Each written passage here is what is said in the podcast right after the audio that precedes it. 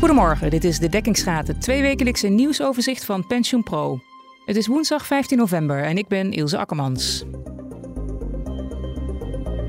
Met deze week verplichte pensioenopbouw inperken, dat willen enkele politieke partijen. Er zijn ook partijen die de fiscale aftrekbaarheid willen aftoppen. Dat blijkt uit doorrekeningen van het Centraal Planbureau. Bestuurders en toezichthouders van pensioenfondsen die volgens de Autoriteit Financiële Markten de wet overtraden met hun communicatie over versoepelde indexatie, krijgen toch geen toezichtantecedent. De AFM besloot de maatregel in te trekken. En pensioenfonds Zorg en Welzijn heeft als eerste van de grote fondsen het indexatiebesluit bekendgemaakt. Deelnemers krijgen er per 2024 4,8% bij. Met mij in de studio zijn vandaag Olaf Bosman en Liebe Koopmans, allebei redacteur van PensioenPro. En Maarten van Wijk, hoofdredacteur. Welkom. Goedemorgen. goedemorgen. Verplichte pensioenopbouw inperken en de fiscale aftrekbaarheid aftoppen. Er zijn politieke partijen die dat willen, blijkt uit de doorrekeningen van het Centraal Planbureau. Maarten, ja, deze plannen staan niet in de verkiezingsprogramma's, maar zijn wel doorgerekend. Hoe kan dat? Waar komt dit opeens vandaan? Ja, dat is inderdaad op zich best raar. Het is ook wel, ja, ik zou zeggen, verrassend, maar eigenlijk ook weer niet. Want voor, eh, twee jaar geleden is precies hetzelfde gebeurd.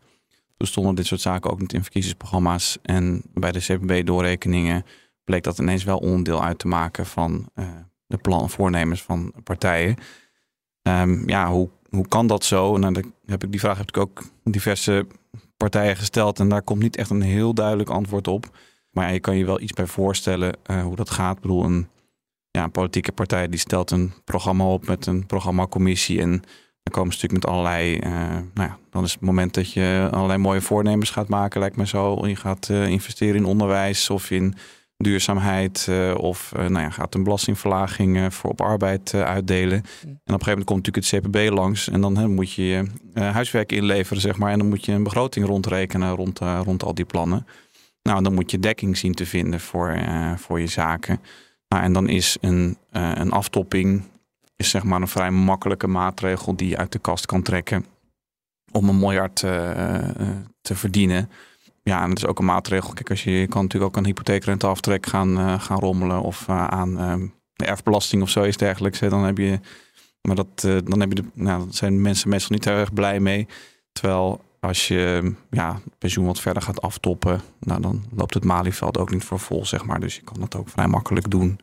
En nou ja, het past ook wel een beetje in de ideologie van, van diverse partijen, dat kan je ook wel zeggen. En wat zijn de politieke partijen precies van plan met uh, deze plannen? Ja, het verschilt een beetje. Dus je hebt de VVD en D66 die zeggen eigenlijk boven een bepaalde grens, 60.000 of 70.000, hoef je niet meer verplicht pensioen op te bouwen. En dat levert een besparing op, omdat mensen dan dat dus niet meer gaan doen boven de grens. In ieder geval deel van de mensen. -hmm. Dan hebben ze geen aftrekbaarheid, dus dan wordt dat inkomen gewoon belast. Nou, en dat past wel in de ideologie van liberale partijen. Die niet al te veel verplichtingen eh, opleggen aan mensen. Nou, en GroenLinks, ChristenUnie en SGP, die zeggen boven een bepaalde grens uh, houdt het gewoon helemaal op. En dus dan is er ook geen fiscale, af, dan is er geen fiscale aftrek meer van pensioenpremies. Dat is boven 80.000 bijvoorbeeld in het geval van, uh, van GroenLinks PvdA.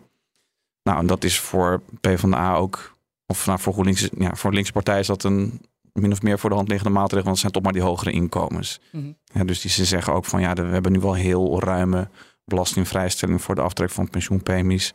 Uh, die hogere inkomens kunnen best, uh, kunnen best zonder. Dat is een beetje ook een nivellerende uh, maatregel is dat dan. Yeah. Nou, en dan heb je nog Volt. Ja, die hebben de meest radicale maatregel. Want Volt is natuurlijk een partij die, die zegt... nou, we willen alles opschudden en alles radicaal hervormen. En die oude, oude bezemkast maar eens leeghalen. En nou, dan komen ze ook met het volledig afschaffen... van de fiscale aftrekbaarheid van pensioenpremies. Ja, dat heeft nou, dan haal je wel, zeg maar, je, je, je, wint dan nu heel veel geld, maar in de toekomst zul je dan de pensioenuitkeringen zul je uh, belastingvrij moeten laten. Hè, want die premie was al, uh, was al belast. Mm. Dus daarmee haal je wel heel erg uh, inkomen zeg maar, naar voren. het is een beetje ja, potverteren zou je eigenlijk kunnen zeggen. Ja. De winst die je nu boekt, die ben je kwijt in de toekomst. Mag ik iets vragen, maar heeft ja. het, houdt de CPB dan nog in die berekening van de besparing rekening met het, zeg maar het, het uh, afschaffen van de verplichting versus het, zeg maar, het helemaal aftoppen levert zeg maar, als je het verplicht, ja. uh, verplichte opbouw, als je die... Ja, dat levert minder op. Hè? Dus ja. als je dat, uh, ze gaan ervan uit dat ehm, bij de VVD geldt dat boven die grens dat het niet meer verplicht is, dat er 20% minder pensioen opgebouwd zou worden. Dat lijkt me op zich nog een redelijk conservatieve eh, schatting. Als het niet verplicht is, dan gaat 80% van de mensen gaat gewoon door met die pensioenopbouw. Ja. Ja, zo is weet ik niet. Maar het is ook een. Ja, eh, deze CPB-sommen zijn ook eh, korte termijn. Hè? Dus ze zijn eigenlijk voor alleen voor de eerste kabinetsperiode zijn ze gemaakt.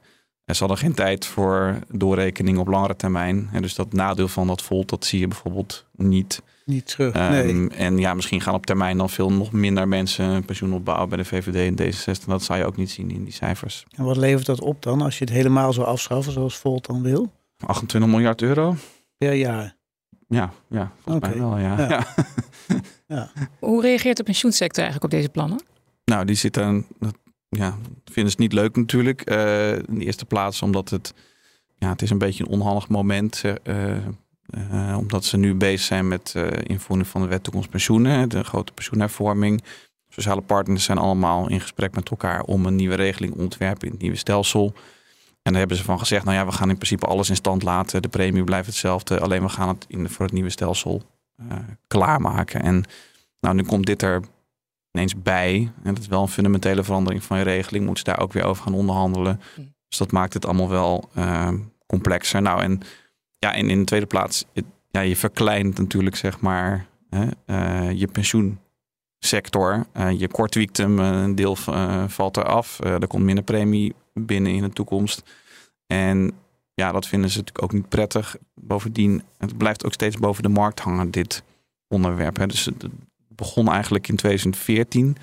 Toen, tot, daarvoor mocht je eigenlijk over al je inkomen mocht je aftrek, pensioenpremie aftrekken. Mhm. En toen hebben ze op een gegeven moment de grens van 100.000 ingesteld. En toen werd er al gezegd, nou, als we nu die, die grens gaan instellen, dan is er een knop gecreëerd waaraan toekomstige kabinetten kunnen gaan draaien hè, om hem nog lager af te stellen.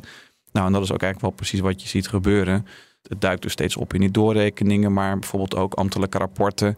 In 2020 was er een ambtelijk rapport bouwstenen voor eh, een beter belastingstelsel om de eh, last op arbeid te verlagen. Nou, Mhm. daar stond het in. In twee- 2022 was er een interdepartementaal beleidsonderzoek. En dat ging over ongelijkheid. Nou, het was ook goed voor de ongelijkheid eh, om dit eh, te gaan doen. Dus je ziet dat steeds op, opduiken, zal ik maar zeggen. En ja, het geeft ook wat onzekerheid, denk ik. eh. En weet Ja. je ook per saldo hoeveel fondsen er nu nog zeg maar, pensioenopbouw tot die, eh, die aftroppingsgrens mogelijk maken? Ja, Want ja. staat mij bij dat er heel veel fondsen zijn die eigenlijk al zeggen, nou je bouwt tot 60, 70.000 euro bij Ja. ons pensioen op. En daarboven moet je het allemaal maar zelf uitzoeken. Nou, eh, ja, het, het ABP en PZB zijn echt grote fondsen die eh, nog wel, eh, zeg maar, tot af tot. Ja, ik heb dat niet allemaal precies uitgezocht welke fondsen dat wel niet doen, maar het lijkt mij dat ook bijvoorbeeld grote ondernemingspensioenfondsen ook nog Ja. wel tot die top gaan en dan medisch specialisten. Specialisten. Ja, en nou ja, goed, dan wist het ook natuurlijk nog een beetje van hoe, hoe hoog je die grens precies legt. Ik meen dat in de metaal 80.000 is. Ja, en sommige partijen gaan daar nog onder zitten. hè. Dus eh ChristenUnie komt op eh, twee keer modaal, 66.000. Dus dan heb je ook alweer een aantal fondsen mee. Die worden ook dan geraakt, zeg maar, die bijvoorbeeld 80.000 hadden. Ja. Nou, De plannen Dus- duiken dus al een tijdje op Ja. en komen ook nu weer terug. Gaan ze er dan echt van komen, denk je? Hoe serieus moeten we dit nemen? Ik denk dat, hè, omdat het al zo, zo lang rondzinkt en dat ook ambtenaren het ook wel een goed idee vinden, dat als er een keer een echt een forse bezuiniging nodig is, dan kun je er vergif op innemen dat ze hiernaar gaan kijken. Eh, voor de komende kabinetsperiode lijkt het voorlopig iets minder waarschijnlijk, Eh, omdat eh, een nieuw sociaal contract toch wel bij elke, eh, nou, wel sterke opinies heeft over pensioen, laat ik zo zeggen, en Mm. die ook wel zeker in elke coalitie zal moeten aanschuiven. Die hebben eigenlijk gezegd dat ze dit geen goed idee vinden. En de VVD, ook een behoorlijke kans dat die gaan deelnemen, die zeiden eigenlijk meteen van ja, dit hebben we wel erin staan, maar eh, onze prioriteit is in eerste plaats eh, het invoeren van de WTP. Eh, zij kon zich voorstellen dat dit hem dan in, aan, de, in aan de weg zou staan. En dan zeggen ze, nou goed, dan is dit niet bovenaan de lijst. En dat geldt ook voor eh, D66. Eh, alleen GroenLinks, PvdA, die zeiden wel van nou, dit kunnen we prima nu doen. En het kan ook samen met de WTP. En daar zien we geen enkel eh, bezwaar tegen. Dus ja, als omzicht eh, over links gaat met GroenLinks PvdA, dan zou het misschien nog wel een discussiepunt kunnen worden eh, Ja. in de coalitiegesprekken. Dankjewel, Maarten. Dan gaan we naar ons tweede onderwerp. De Autoriteit Financiële Markten trekt het bekritiseerde toezichtantecedent voor versoepelde indexatie in. Een aantal fondsen kregen eerder dit jaar een brief van de AFM waarin stond dat ze met hun communicatie over versoepelde indexatie de wet overtraden. Olaf, ja, hoe kwam je erachter dat de AFM die brief heeft ingetrokken? Want ze hebben het niet bekendgemaakt volgens mij. Nee, ze hebben het wel bevestigd nadat ik naar vroeg. Maar eh, de bestuurder van het pensioenfonds Openbare Bibliotheken, Margreet Teunissen, die uh, informeerde ons. Hij had een paar maanden terug, uh, of daarvoor ook in een gesprek met PensioenPro gezegd dat ja, het pensioenfonds vindt van nou, de AFM moet dat toezicht antecedent heroverwegen. Mm En dat heeft de AFM gedaan. Met tot gevolg dat uh, geen enkel van de veertien fondsen die in maart een brief kregen van uh, jongens, jullie hebben uh, gecommuniceerd over indexatie op basis van versoepelde regels. Maar dat hebben jullie gedaan op een manier die niet, ja, die, hè, die, hebben jullie buiten de wet gedaan. Mm. En dat, daar is nu geen sprake meer van, van het toezichtantecedent. Ja, wat is er eigenlijk precies gebeurd? Wat, wat was het probleem en hoe is de AFM daartoe mee omgegaan? Ja, de AFM heeft uh, alle fondsen, die 14 fondsen, een, een, brief gestuurd. Dat heet dan een informele maatregel. Mm Dat is dan een van de lichtste sancties die uh, een toezichthouder kan, uh, kan opleggen. Of een van de lichtste, soepelste dingen die ze kunnen doen. Mm En dat betekent dan wel, je krijgt dan een soort, ja, soort smetje als bestuurder of toezichthouder. En met name dat, dat toezicht antecedent voor de toezicht, intern toezichthouders, bijvoorbeeld mensen van de Raad van Toezicht, dat ja, dat schoot in het verkeerde keelgat. Omdat een raad van toezicht, uh, is het, het verhaal van nou ja, die, die toetsen achteraf. Mm Je kunt hen moeilijk dan uh, aansprakelijk stellen of een, uh, een toezichtantecedent geven voor iets wat ze ja, niet hebben kunnen zien. Wat ze pas achteraf gaan, gaan controleren. Ja. AFM heeft niet gezegd of ze nou voor dat argument heel gevoelig waren.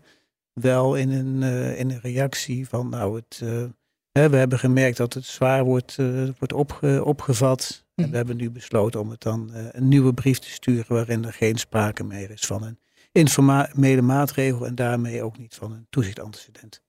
En hoe reageerden pensioenfondsen erop, op die intrekking van de brief?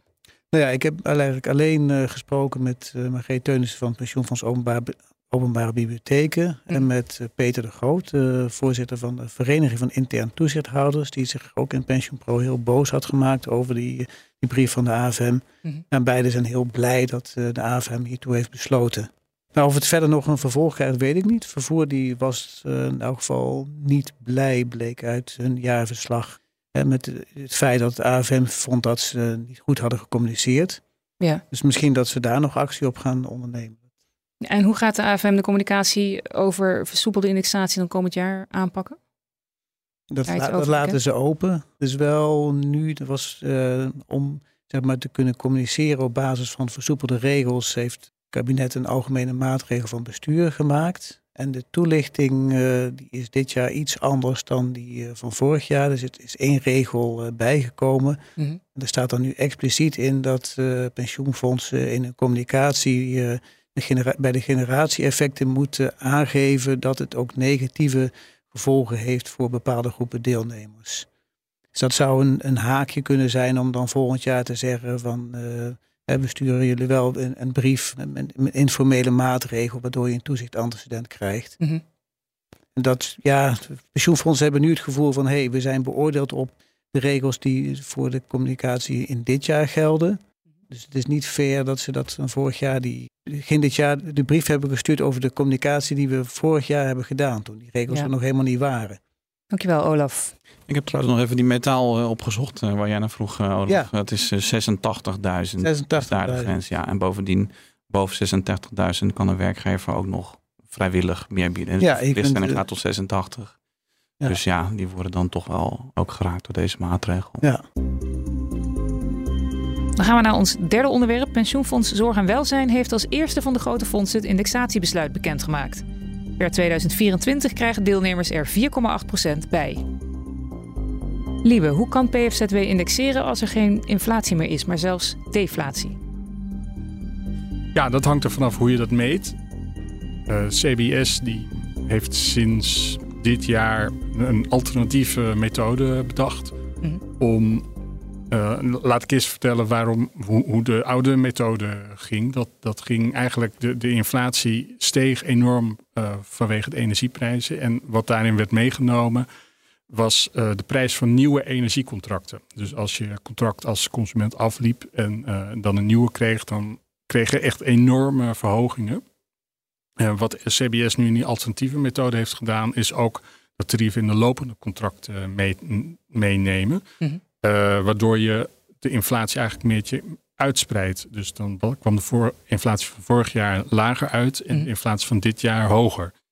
Uh, CBS die rekent ook nog met de oude methode. Dus dan had je vorig jaar enorme inflatie. En die inflatie is dit jaar heel erg snel afgenomen. En per september was het dus uh, deflatie van uh, 1%. Ja. Wat PFZW heeft gedaan, die is overgestapt op een andere, dat alternatieve cijfer. Mhm.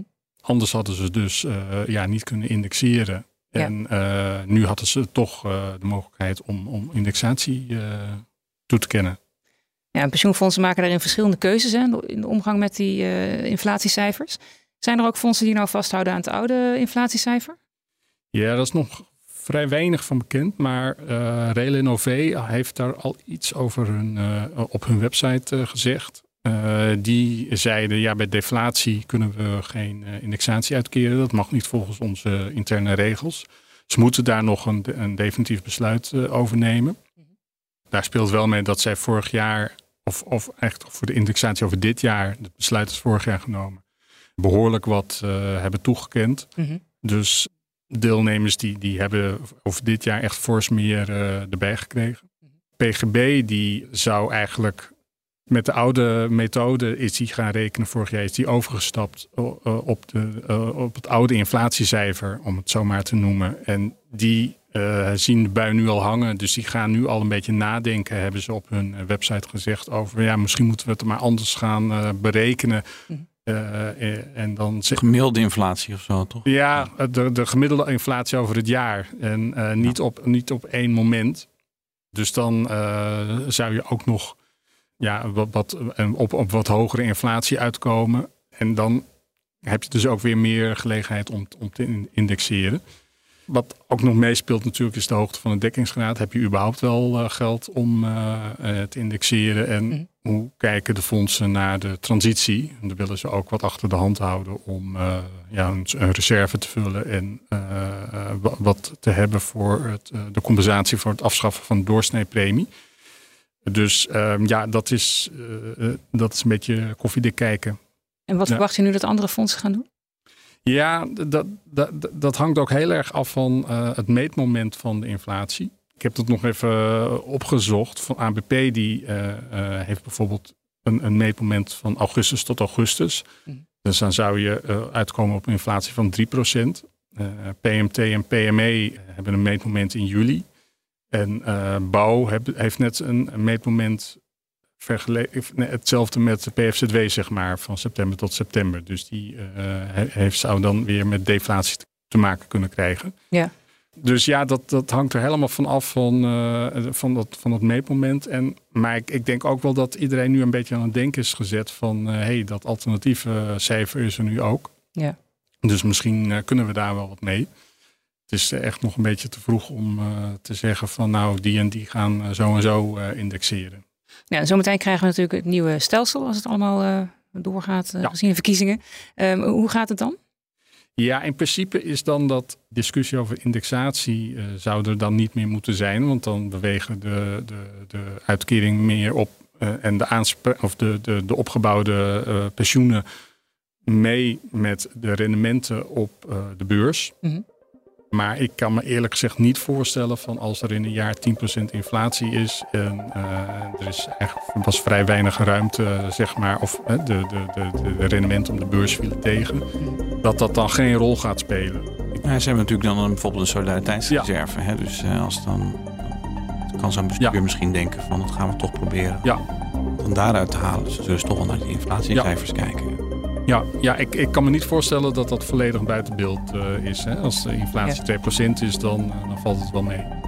Maar eh, als, als het hoger is, dat, ja, dan, dan, speelt dat ongetwijfeld een rol. Dankjewel, lieve. Dit was de dekkingsgraad van PensioenPro met de laatste ontwikkelingen in de Nederlandse pensioen- en beleggingssector. Op pensioenpro.nl lees je meer. We horen graag wat je van deze podcast vindt. Laat het ons weten op redactie.pensioenpro.nl. Mijn naam is Ilse Akkermans. Fijn dat je luisterde en tot over twee weken.